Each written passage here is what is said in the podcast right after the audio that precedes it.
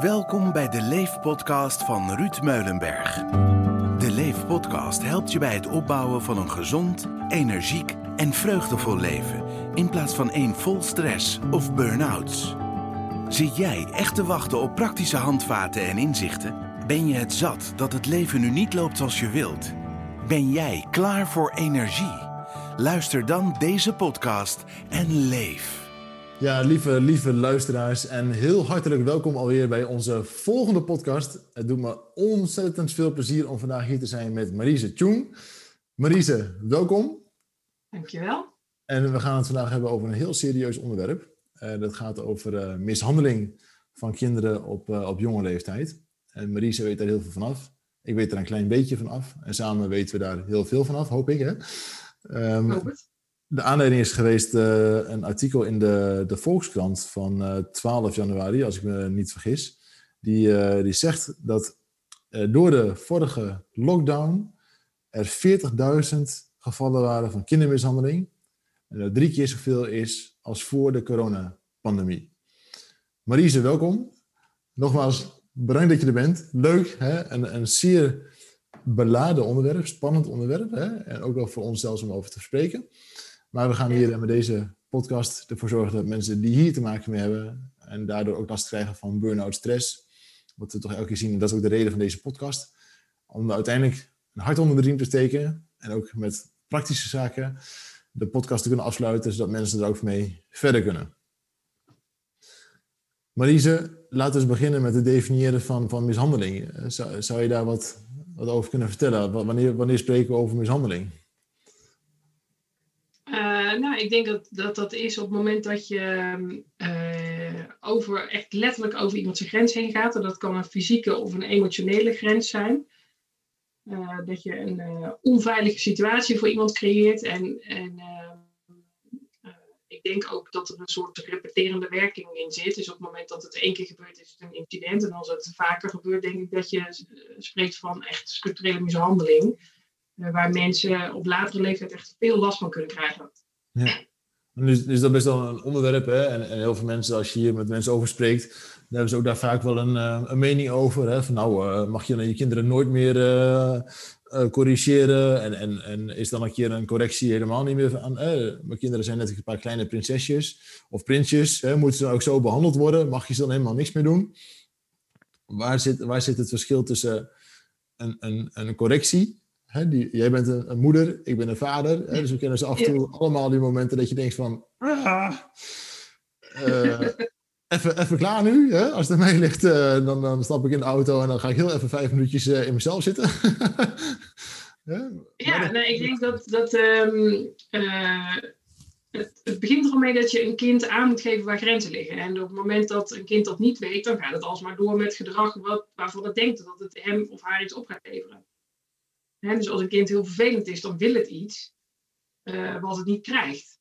Uh, als, je, als je dan door blijft gaan, uh, zonder dat jij hebt aangegeven wat jouw, of eigenlijk een algemene grens is uh, waar je wat mee wil, um, dan weet ik dus niet dat het een fout maakt. Of dat het nou ja, gedrag niet acceptabel is. Dus het, het er al mee dat je duidelijk maakt wat er wel en wat er niet kan.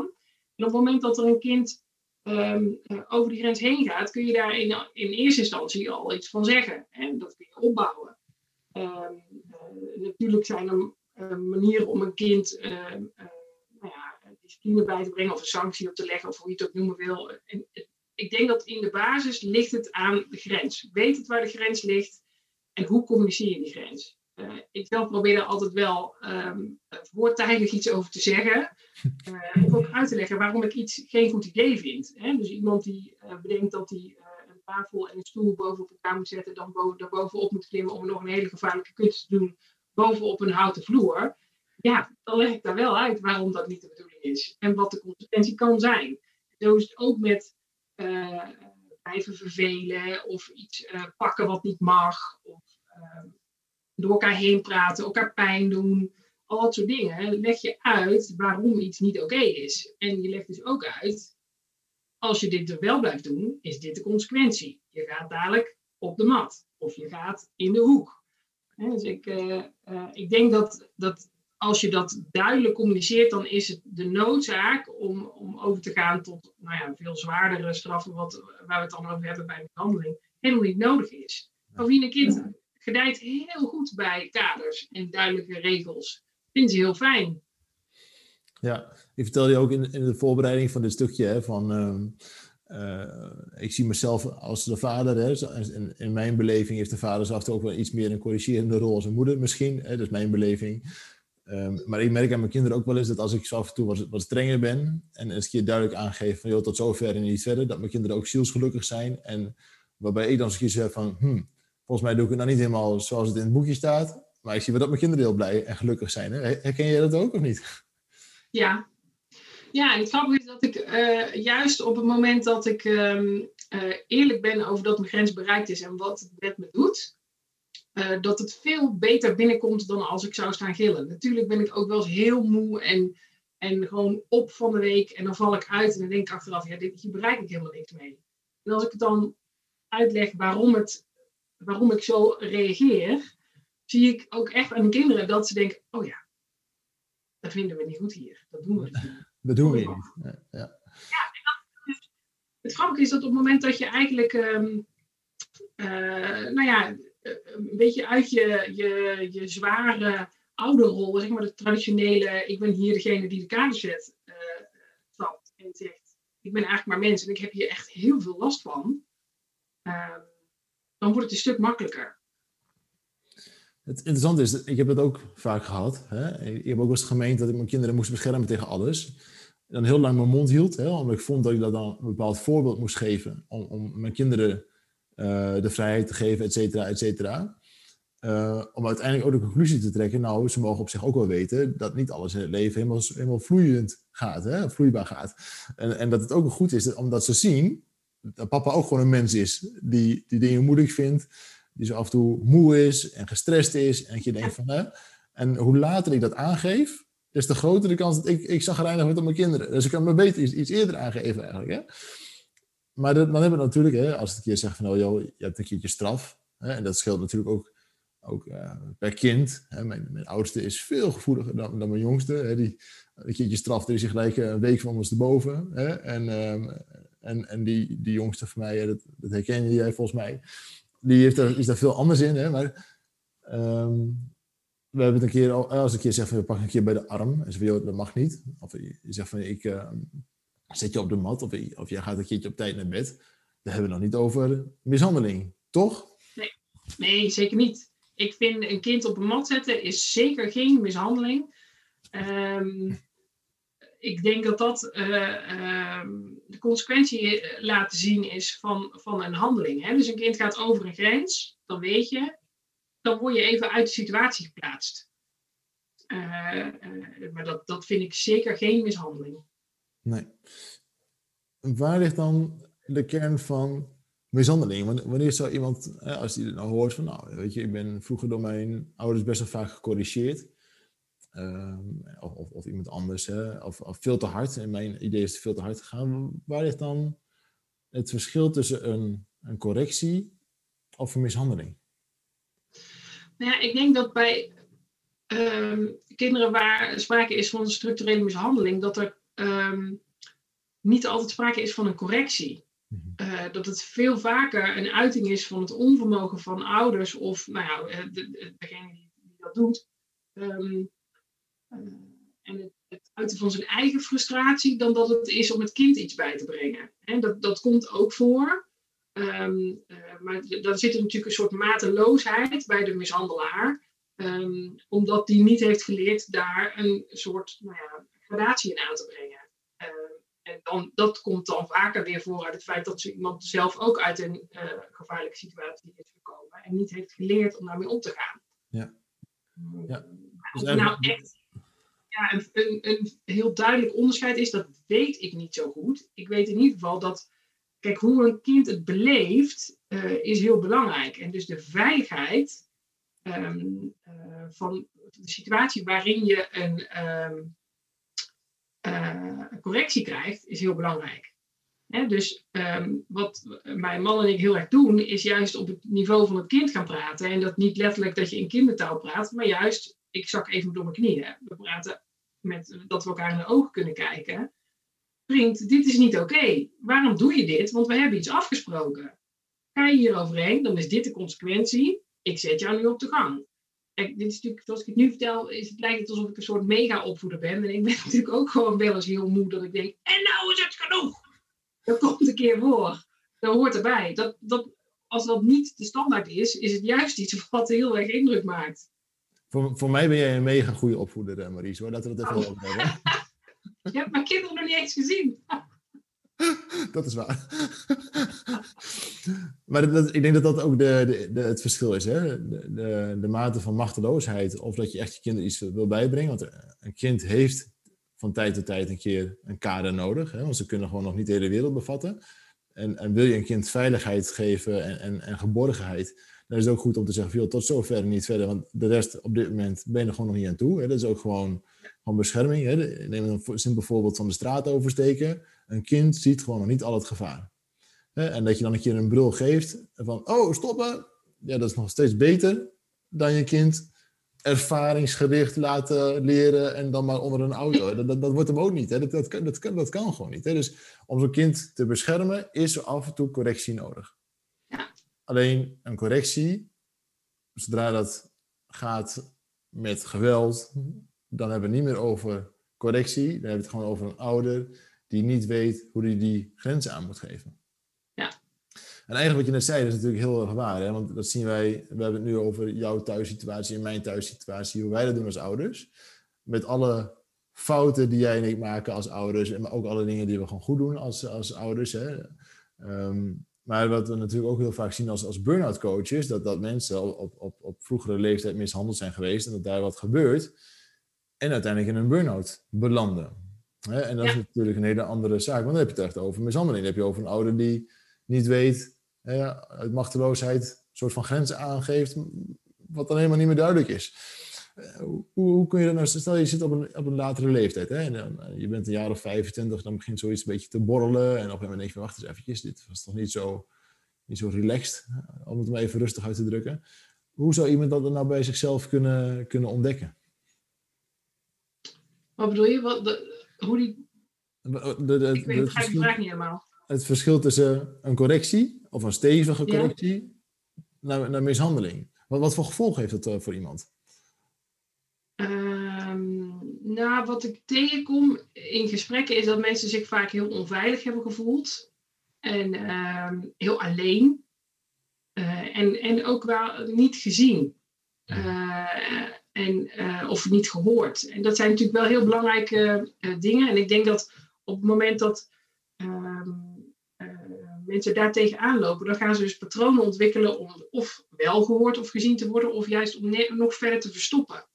En ehm, je ziet dus dat als je, uh, waar mensen vaak op spaak lopen, is dat ze dus zichzelf iets hebben aangeleerd. En dat ik van een coping skill of een strategie. Ehm, eh, en die, die, werkt dan ineens niet meer. Dus je ziet mensen die bijvoorbeeld ehm, heel erg gekwetst zijn heel emotioneel waren in een heel spannend en stressvol moment, die schieten heel erg hun hoofd in. En die gaan alles zuiver beredeneren en, en die uh, hebben eigenlijk geen contact meer met hun gevoel. Uh, je ziet mensen die um, heel erg gekleineerd werden en er niet mochten zijn. Die gaan zichzelf heel klein maken, de rest van, dus de, tijd die volgt op die mishandeling. En dan zie je dat ze dan bijvoorbeeld heel sterk please gedrag gaan tonen. Dus alles maar om lief gevonden te worden. Ik leg eigenlijk als een soort, als het ware een soort rode loper voor, voor een ander uit om maar over hen heen te lopen. Um, dus heel vaak, um, als ik dat soort mensen zie, dan zeg ik altijd, oké, kun je heel even die loper iets aanpassen, dan kan ik er eens even goed op gaan staan. Ja, ja. Maar, hè, rode loper, hoezo? Nou, alles voor mij. Het ging toch over jou? En dat vinden mensen dan heel lastig, als het ineens echt puur voor zichzelf is. Ze zijn zo gewend geraakt om de ander voorop te zetten en het belang van de ander, dat ze niet meer weten wat ze zelf willen. En zo raak je eigenlijk jezelf heel erg kwijt door dus eh, zeg maar zo'n strategie te ontwikkelen om eigenlijk die pijn of die situatie te ontwijken. Um, uh, en daar, daar, dus je raakt in de verbinding kwijt met jezelf, maar ook je, de, de, de kennis en, en het gevoel van wat wil ik eigenlijk zelf met mijn leven. En zo raken mensen echt helemaal in een burn-out. Dus eigenlijk, als het samen, samenvat, hè, dan hebben we het over twee dingen. Aan de ene kant wordt er vol over grenzen gegaan uh, door een ouder of, of even een verzorger of, of wie dan ook. Um, dat een stukje ik te weinig overblijft. Hè? Op een gegeven moment staat iemand te dansen op een heel klein plekje, wat dan ik moet zijn. Hè? Dus dat, dat is dan weg. Hè? Van ik mag er zijn, dat gevoel is er niet. Um, en aan de andere kant, um, wat, ook wordt er gelijk aangeleerd om alles maar te doen, zodat die ander maar niet boos wordt. Ja. Wat, wat voor geen mens vol te houden is. Want dat, dat ploft een keer ook natuurlijk gewoon. Hè? Ja. Um, en als je dat nu zo naast elkaar zet, hè, wat we net zeiden van joh, een ouder die eigen onvermogen heeft om grenzen aan te geven hè, uh, en daardoor maar harde maatregelen gaat, gaat treffen, daar ligt de oorzaak. Ja. En zolang je blijft nadenken in oorzaak en gevolgen, dan kom je, dan kom je haast nergens. Nee, dat geloof ik ook niet. Ik denk dat, um, kijk, dat, uh, als je gaat nadenken over wat heeft de ander gedaan, um, dan kom je in een soort wel eens niet een spelletje van wie is er schuld en niet in hoe kom ik eruit. En ik, hè, dus hoe wij, nou ja, jij, al onze lieve collega's bij Meulenberg werken, is altijd hoe kan ik nou zorgen dat ik hier geen last meer van heb en dat mijn leven fijner wordt. Ja. Dus ja, die mishandeling die is er. Die gaan we niet meer wegnemen, die kunnen we niet meer mooier maken. Maar je kunt daar wel een andere, uh, andere manier van uh, mee omgaan voor vinden dus in plaats van jezelf alsmaar aan de kant te zetten, of uh, jezelf klein te maken, of um, doen alsof iets er niet is, kun je het ook laten zijn en een andere weg inslaan. En, en, dat is waar ik wel veel mensen mee tegenkom dat het lastig is, maar het lukt uiteindelijk toch vaak wel om daar een sterkere weg in te vinden. Het, het, even, nog terug naar die mishandeling, want we kennen natuurlijk een lichamelijke mishandeling, hè, dat is slaan, uh, schoppen, knijpen, bijten, noem het even. Hè. Maar um, er zijn natuurlijk vele, vele soorten meer van, van mishandelingen. Um, kun, kun, je dat, kun je dat eens aanvullen? Wat, zie jij vaak gebeuren? Nou, dus je ziet wel dat uh, mensen zich. Uh, er zijn verschillende vormen. Dus één is eigenlijk een beetje bijna het mentale. Dus je, je krijgt een soort kader mee. En natuurlijk krijgen we allemaal een soort beeld mee van hoe de wereld eruit ziet. Hè? Dus je ouders geven je een opvoeding van zo ziet de wereld eruit. En zo gaan we met mensen om dit is wel en dit is niet belangrijk in het leven. Maar op het moment dat daar dus een verstoring als een mishandeling in zit, dan zie je dat um, uh, mensen dus bepaalde tics gaan overhouden in hoe ze dingen doen. Hè? Dus ik ken iemand en die, die heeft jarenlang uh, allerlei patronen uh, van haar mishandelaar overgehouden, van hoe de wereld in elkaar zit en aan, aan allerlei eisen ze moest voldoen. Dus die stond voor de klerenkast nog echt te bepalen. Ik moet dit altijd combineren met dat, want dat hoort. Ja, dat is natuurlijk, ja, hoezo hoort dat? Wie heeft dat bepaald? Er is er een soort, nou ja, oké, okay, inmiddels is er een modepolitie, maar dat was toen niet. En dan nog, daar kun je zelf wat van vinden. Doe wat jij fijn vindt, in plaats van wat iemand jou zogenaamd oplegt. Um, het tweede is eigenlijk dat je ziet dat um, uh, je bij emotionele mishandeling, dat mensen een heel verstoord beeld krijgen van zichzelf en, zichzelf veel kleiner voelen uh, dan dat ze in de ogen van anderen misschien wel zijn. En, en daardoor dus ook een soort, dat er een soort ja, gat is tussen wie ze, wie ze, hoe ze zich voelen en hoe ze overkomen. En dat voelt dan heel raar voor een ander om mee om te gaan. En zo zie je dat mensen daardoor in een soort conflict situaties komen die helemaal niet nodig zijn, omdat ze niet hebben geleerd de ander te verstaan. Ze zijn dus zo bezig met een bepaald plaatje te voldoen ik ben klein en ik, ik hoef dit niet, ik moet dit al niet doen en ik moet aan een bepaald beeld voldoen, dat dat helemaal niet meer aansluit bij wie ze eigenlijk ja, in wezen zijn. Um, en dus die, dat, dat emotionele maakt dat mensen uh, een heel verstoord beeld krijgen van, van zichzelf. Wat, wat ook opvalt, hè, is in, in gevallen van mishandeling, dat, dat iemand eigenlijk alleen maar heeft geleerd om er te zijn als hij de goedkeuring heeft gekregen van een ouder, die er zo heel vaak niet was geweest. Maar in de basis, wat je ook doet, je mag er gewoon zijn. Hè? Ieder ja. mens heeft gewoon bestaansrecht. Iedereen. Um, als je ochtends gewoon je bed uit weet te komen, dan hoor je niet al een schouderklopje. Hè? Dat je, want je mag er gewoon zijn, je bent gewoon een mens. Hè? En, en ieder mens, uh, zwart, wit, geel, uh, het maakt even niet uit hoe je er ook uitziet. Dik, dun, lang, hè, gelukkig. maar um, iedereen mag er zijn. En daar heb je niet, daar hoef je niet de goedkeuring voor te krijgen van iemand anders. Um, maar als je dat op jongst af aan hebt, hebt, geleerd dat je alleen de goedkeuring krijgt als je het perfect doet en zo niet, word je in elkaar gerost. Hè? Of uh, wordt er een week niet meer tegen gesproken. Of krijg je bepaalde privileges niet meer. Of word je achtergesteld ten opzichte van broers en zussen, et cetera, et cetera, et cetera. Dan hebben we het over mishandeling. Alleen dat is wel een hele ongunstige situatie om bijvoorbeeld je eigen autonomie, hè, wat, wat zo belangrijk is, als je zo snel mogelijk in een burn-out wil belanden, dan moet je zo weinig mogelijk autonoom zijn. Hè? Dan moet je vooral het leven gaan leiden van iemand anders. Alleen je zou eigenlijk kunnen zeggen, van als er mishandeld wordt op jonge leeftijd, word je haast zo'n weg ingeslagen, hè? letterlijk. letterlijk hè? ja. um, en, word je juist een weg opgezet van please gedrag, het andere mensen naar het zin maken, zelf, jezelf totaal niet laten gelden. Hè, want dat is altijd heel klein geweest en dat, dat mag niet ontwikkeld worden. Nu is daar ook weer wel wat goed nieuws over. Hè? Dat, kun je later echt wel wat ontwikkelen. Hè? Het gaan staan voor wie je bent en er mogen zijn. Dat zijn best wel hele mooie processen als je daar met mensen mee aan de gang uh, gaat.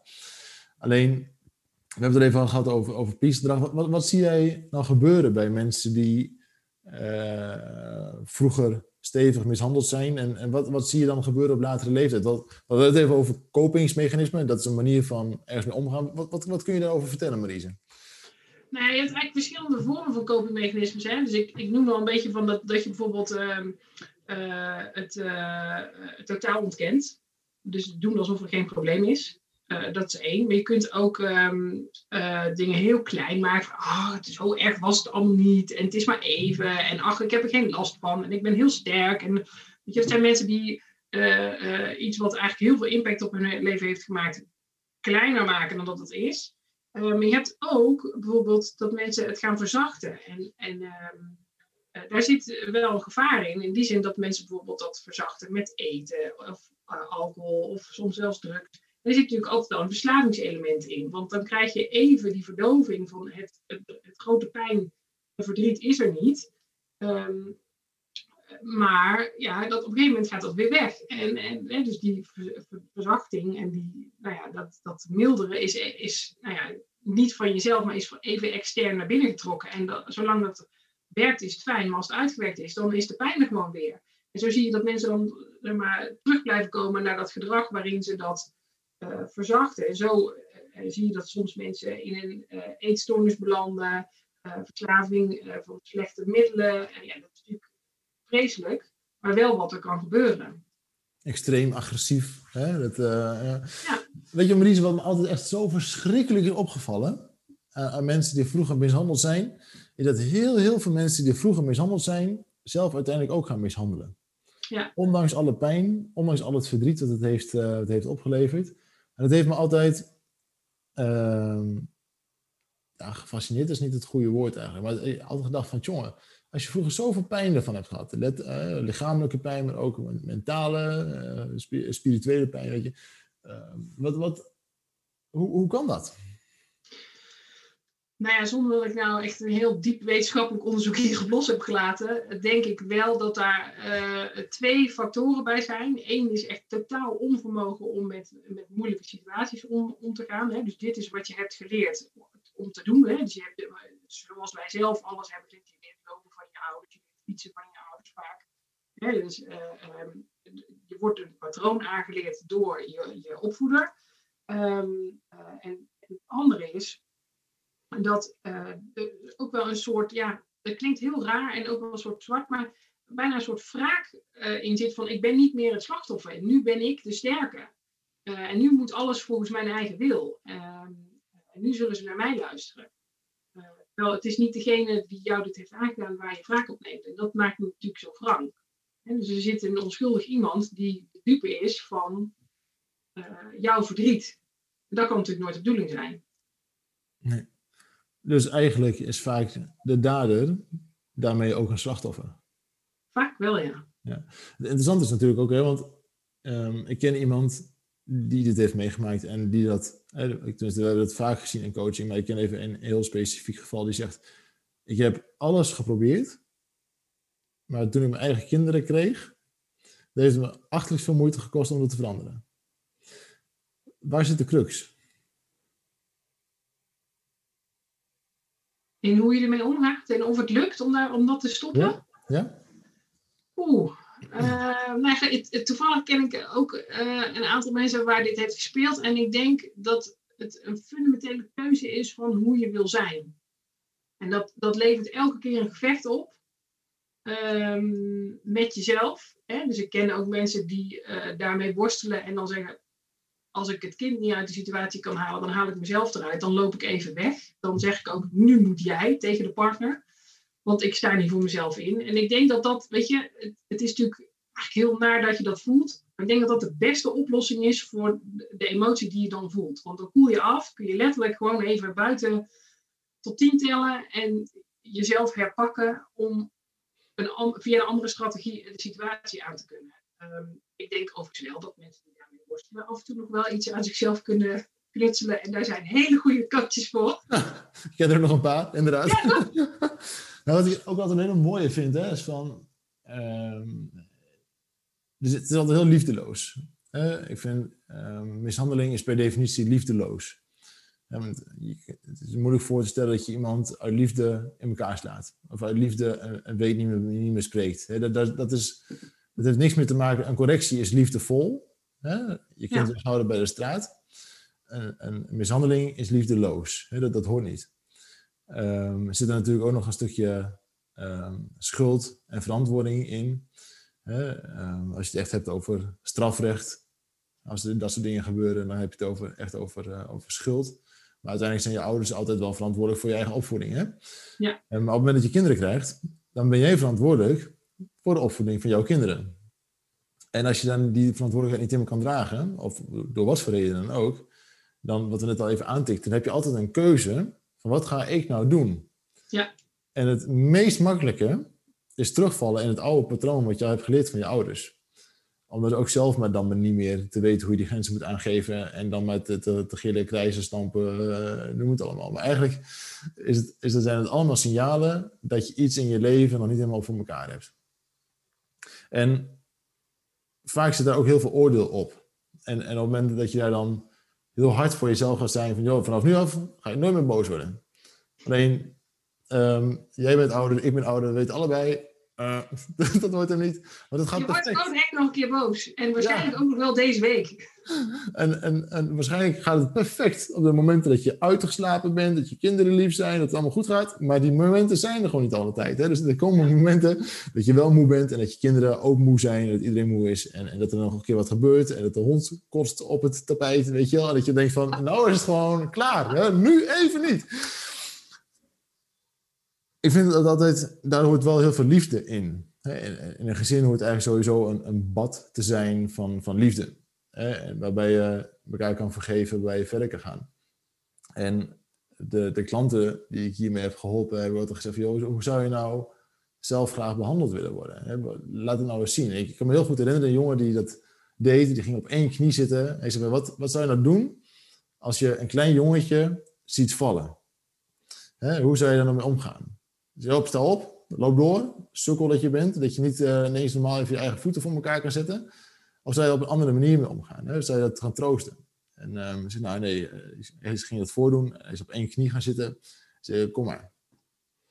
En je zou op die manier mag je ook met jezelf omgaan. Hè? Gewoon van, kom maar. Hè? Dat, je, dat je jezelf ook uh, dat, dat toelaat. En dat je zegt van, joh, kom hier. Ik, ik verzorg mezelf even.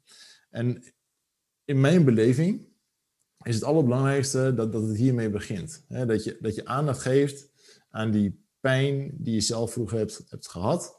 En dat je die pijn kunt gaan gebruiken om daar iets moois van te maken. Want anders zit je in een soort cirkel um, die je generatie op generatie op generatie doorgaat. En dan moet ergens een keer iemand opstaan die zegt, ik ga het anders doen.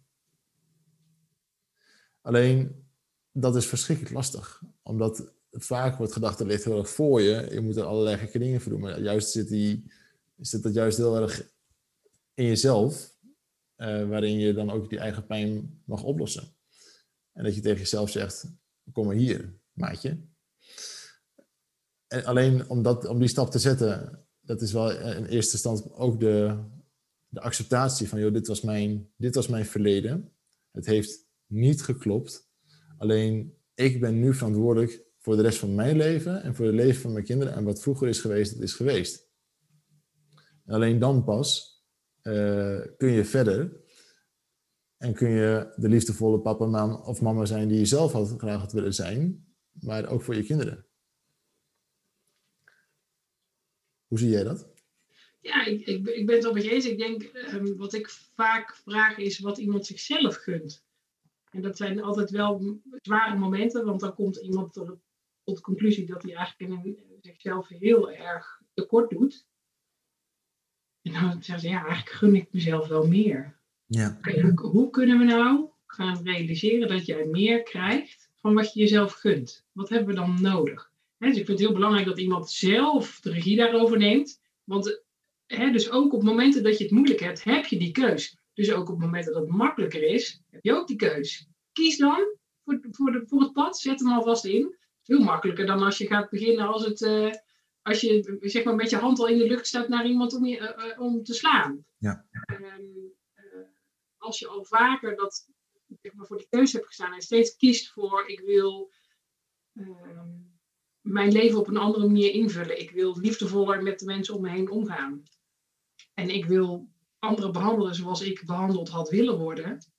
Dan wordt de, de keuze in het moeilijke moment zelf al makkelijker.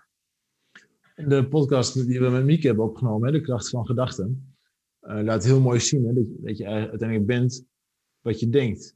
Hè, dat je, de, overtuiging die je over, zelf, over jezelf hebt, dat, dat dat waar is. Alleen dat, het, dat je dat kan sturen in positief en negatief.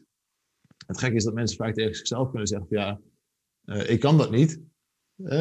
Dat, kunnen dan, dat geloven dan wel, maar dan de andere kant op zeggen van ja, ik kan dat wel. Dat, dat wordt er vaak niet geloofd. Alleen dat is natuurlijk gewoon onzin. Hè? Als je tegen jezelf zegt: ik, kan dat wel. Ik kan wel liefdevolle vader zijn. Want iedereen heeft uiteindelijk liefde in zich. En um, ik heb ooit eens een moeder gecoacht die ook echt een, verleden had van, uh, van mishandelingen, daar onwaarschijnlijk sterk uit is gekomen. Weet je, die heeft echt, echt dat omgedraaid. Uiteindelijk wel ergens opgebrand, maar goed, dat, dat was dan, was een crisis niet opgelost, maar dat, dat hebben we samen gedaan. Maar zeg van, het gekke is dat mijn moeder heeft ons allemaal heel erg mishandeld. Alleen ze was één met de kat. En dat is natuurlijk gek. Dus er ging heel veel liefde ging wel naar die kat, maar niet naar de kinderen. Niet geleerd, niet gedaan, whatever. Dus er zat heus wel liefde in die vrouw. Alleen dat het al stroomde een beetje de verkeerde kant op, om het even eh, rustig te, te zeggen. Dus iedereen heeft ergens wel wat liefde in zich. Ja. En je kinderen komen nooit liefde tekort. Je, kinderen kun je eindeloos liefde geven. eindeloos. Correctie is ook liefde. dus um, daar mag je eindeloos in, in, in, in investeren in, liefde. En um, dat kan uiteindelijk iedereen. Dus iedere ouder kan daarin ook uh, het gaan veranderen. Um, alleen dan moet wel eerst die oude pijn opgelost worden. Um, een tool die ik zelf vaak gebruik is ook wel de drama-driehoek. Hè? Dat is natuurlijk een hele simpele tool die laat zien het verschil tussen slachtoffer, uh, de dader hè, of de aanklager uh, en de redder. dus mensen willen, sommige mensen willen altijd graag een situatie redden of andere mensen redden. Anders zijn ze zeggen, oh, ik heb wel alles gedaan. En je hebt ook mensen, de aanklager, zeggen, ja, maar jij doet dat en jij doet dat. Hè? En, en, de kracht is eigenlijk om uit die driehoek te blijven. Hè? Dus geen dader, geen slachtoffer en geen aanklager. En um, mensen van, uit een situatie van mishandeling vroeger, die hebben nog wel eens wat de neiging om in zo'n drama driehoek te blijven zitten. Ja, mij is dat vroeger ook overkomen, dus. Ja. En dan gaan ze een beetje van slachtoffer ook naar, naar aanklager slash dader. Hè? Van, ja, Dus mij is het ook overkomen, dus dan mag ik het ook doen. Um, of redder. Hè, van, ja, mijn moeder kon het ook niet helpen en ze heeft nou hulp nodig en ik moet dat lijmen. En hoppatee, dan gaat je regie over je eigen leven, want het staat allemaal een teken van, je, van een ouder. De kracht is, wat wil jij als mens? Waar kunnen mensen dan gaan beginnen, Marise, als, als ze dit zo horen? Van, joh, ja, oké, dat is mijn verleden. Ik merk, dat, dat, is, dat kost ook wel moeite. Het kost, laten we even, even één statement maken. Dit kost iedere ouder moeite. Punt. Dus, geen ouder is perfect en, en de plaatjes op Facebook kloppen per definitie niet. dat... Nee. de keren dat je, dat je denkt, nu wordt het een topdag, dat is 9 van de 10 keer echt de slechtste dag van je week. Um, en die eindig je toch gewoon gezellig met kindjes in bad die blij zijn met schuim. En lachen en tanden poetsen met verhalen uh, en liefde. Um, kijk, wat, wat ouders kunnen doen. Um, als, je, als je zegt, ik loop hier tegenaan en ik wil dat niet voortzetten. Ik denk inderdaad, stap 1 is, um, wat gun ik mezelf en mijn kinderen? Wat voor ouder gun ik mijn kinderen? Uh, en stap 2 is uh, nadenken, kan ik dat in mijn eentje of heb ik daar hulp bij nodig om daar te komen? En zoek dan iemand die bij je past om je dat, daarin te helpen. Want dit is wel echt een zwaar traject om in je eentje te doen. Ja. en ik denk dat uh, je eigenlijk wil voorkomen dat je zelf leegloopt of dat je de ander wat aandoet en dat die op termijn leeg gaat lopen door de consequenties ervan. Ja. Dus doe jezelf en je, je gezin in lol en stap eruit. En dat is niet leuk. Uit de driehoek. Ja, ja, ja niet, nou ja, dat, dat is wel iets wat, wat ik ook weer heel vaak heb gezien. Hè, dat um, uh, zo'n drama-driehoek laat ook vaak wel zien dat, dat het dan aan een ander zou liggen dat je daar geen verantwoordelijkheid over hebt. Ehm, een, een, gevolg van mishandeling op jonge leeftijd ook dat haast een soort continue bevestiging zoeken dat je wel goed genoeg bent. En dan ja. opeens heel veel wisselende partners krijgt en van ene gezin het andere gezin en, en zo doorgaat. Alleen ehm, als je het bij de ene partner niet vindt dan, en die, je lost dit niet op, dan is de kans dat het bij een andere partner wel gaat lukken, nou, kleiner of, of groter dan één. Ja. dus um, uh, dus dat, daar zijn natuurlijk ook, ook, mensen die er pas na jaren achter komen, jarenlang proberen testen, tegen de muur omhoog lopen en uiteindelijk uh, realiseren van, ja, ik moet hier wat mee. Uh, want dit, dit, dit, ik ga dit niet overleven en ik ben voor mijn kinderen ook niet de meest geweldige ouder op deze manier.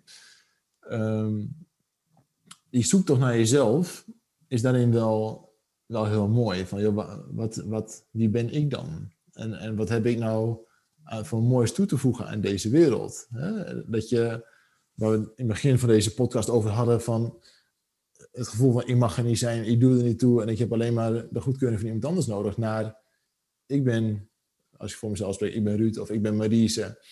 Uh, ik heb wat te geven in deze wereld en dit zijn mijn sterke punten. En ja, dit zijn mijn zwakke punten.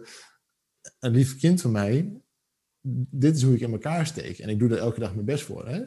Um, eerlijkheidshalve, ik, ik vind mijzelf niet de geduldigste. Mijn vrouw vindt het wel eens anders trouwens. Maar ik ben, mijn eigen overtuiging is dat ik niet altijd even geduldig ben. Hè? Weet je, als we in de auto in gaan, dan moet het ook binnen drie seconden graag iedereen vastzitten en dan kunnen we ook weg. Zo.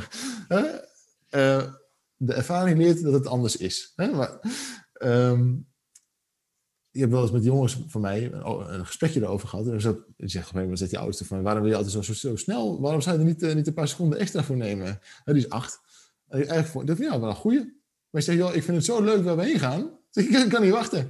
Oh ja, dat is ook zo. Hè? Ik zeg, dus ik ben daar wat ongeduldig in. Ik wil graag gelijk weg. En, uh, maar ik zeg, we moeten dus, als jij niet vergeet dat ik graag weg wil, dan probeer ik iets langer te wachten. Hè? Dus daar, daar zit een heel mooi gesprekje over. Nou, dus, dan is het ook de, ook de wereld uit. Hè? Dus dat, daar kunnen we samen lekker over kletsen. Um, alleen, als je die liefde voor jezelf niet hebt, dan zou je zo'n opmerking van een kind nooit kunnen accepteren. Want dan zou het gelijk weer een aanval zijn en iemand zeggen tegen jou: je doet het niet goed genoeg. En dan ontstaat er weer zo'n oud kopingsmechanisme, overleefmechanisme. Van als je nou je mond niet houdt en niet naar papa luistert, dan ga je maar naar huis, dan ga je maar naar bed. Hè? Dan, doen we het niet meer. En, je en dan, dan is je dag verpest. Ja, dus, maar ik, ik vind dat daar ook wel een, een, ja, ik zou bijna zeggen, een soort verplichting voor ouders in zit kijk ook wel een beetje met humor naar het leven. Want als je alleen maar heel strak overal in zit, ja, dan is kinderen krijgen echt wel een enorm zware onderneming. Uh, terwijl als je met humor kijkt, ja, dan, je komt dan juist nog meer humor tegen. En dan kun je, als je samen met je kind over iets kan praten en er ook heel hard om kan lachen, wordt het veel makkelijker. En dan is juist de correctie ook weer makkelijker. En, die blijft dan een correctie in plaats van dat het overgaat in nou ja, de dingen die we juist niet willen, de mishandeling. Ja, en dus die kramp er ook af. Hè? Van die kramp van, ik mag dat nooit meer laten voorkomen. Ik moet het anders doen. Nou, we weten allemaal waar Je mag ook gewoon mens zijn. Je mag ook gewoon mens zijn die ook gewoon fouten maakt. Uh, en dat ook eens met je kinderen bespreekt. En ook met z'n allen even een keer een dikke vette knipoog uh, achter zit. Ja. Is dat, is dat een, een soort van gouden tip die we de mensen mee kunnen geven? Of, of hebben we nog, hebben we nog één ding? Dat, ik zoek dat altijd in onze podcast, Marise. Mensen die op dit moment, ik zeg het heel vaak, mensen die op dit moment een auto hebben uitgezet langs de snelweg, weet je wel, die met alarmlichten voor de stoplicht staan en zeggen: Dit moet ik horen. Welke gouden tip kunnen wij deze mensen meegeven, Marise? Neem het allemaal niet zo serieus. Neem het niet zo serieus. Echt lach alsjeblieft een beetje om jezelf vooral. Want dan wordt het veel makkelijker. Mooi hè? Ik lach heel de dag om mezelf en mijn eigen onvermogens. Een, dolle pret in huizen tjoen. ja, zeker wel. En als ik niet lach, dan doet de rest het wel hoor. zo is het, zo is het ook. dus als je dit herkent, ga aan de slag met jezelf. Hè? Uh, Zorg ervoor dat je liefde voor jezelf hebt. Op het moment dat je liefde voor jezelf hebt, kun je dat uitdelen aan een ander. Hè? Dat, dat, anders dan, dan lukt het niet. Ehm, alleen denk er ook om, blijf wel lachen, blijf ook in het moment zitten. Neem het niet te serieus. Hè? Er zit echt een, een grappige knipoog in het leven. Hè? Dat alles met een reden is. Hè? Dat, dat, niks komt zomaar. Geniet daar ook van. Zorg ervoor dat, dat je daar ook een beetje blij om blijft. Hè? En, en haal die krampen af.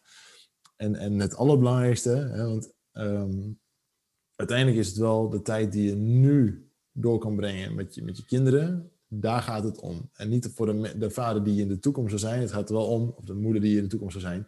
Het gaat erom dat je op dit moment, in het hier en nu, een fijne relatie met je kinderen kan hebben. Ja. Ik zeg amen. Jij ook? Amen. Marise, heel hartelijk bedankt dat we dit gevoelige, maar supermooie onderwerp hebben kunnen bespreken. Heel graag gedaan, ik vond het heel leuk. Ik heb je moeten smeken voor dit onderwerp. grapje, grapje. maar eindelijk iemand gevonden die, die dit met mij wil, bespreken. Hè? Dus, uh... Heel hartelijk dank, uh, Marise. Iemand moest de corvée doen deze week, hè? ja, ja, ja, dat was jij. Of je moest afwassen, maar dat... Ja, lieve, lieve luisteraar, als je nou denkt, deze podcast, die moet iemand anders ook horen. Deel hem dan. Ga dit niet alleen voor jezelf houden. Marise en ik deden dit niet voor niks. En het is een zeer lastig onderwerp om daar eens een keer met iemand over te spreken. Er zit ook heel vaak heel veel pijn bij mensen. Je ziet ook vaak wat traantjes bij mensen. Dus deel dit onderwerp alsjeblieft met de mensen waarvan je denkt van die kunnen het wel gebruiken. Um, hou het niet voor jezelf. En als je hier vragen over hebt, stuur me dan een mailtje naar info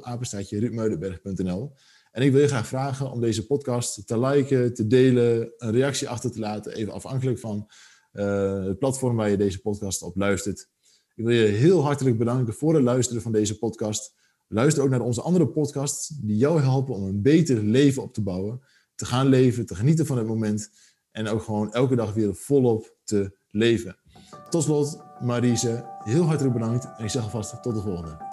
Tot de volgende. Dankjewel voor het luisteren naar de Leef podcast. Wil je meer weten over stress of burn-out? Meld je dan aan voor onze podcasts of bezoek onze website. Vind je dat meer mensen deze waardevolle informatie moeten horen? Deel dan je mening en beoordeel deze podcast. Samen werken we aan een beter leven na je burn-out.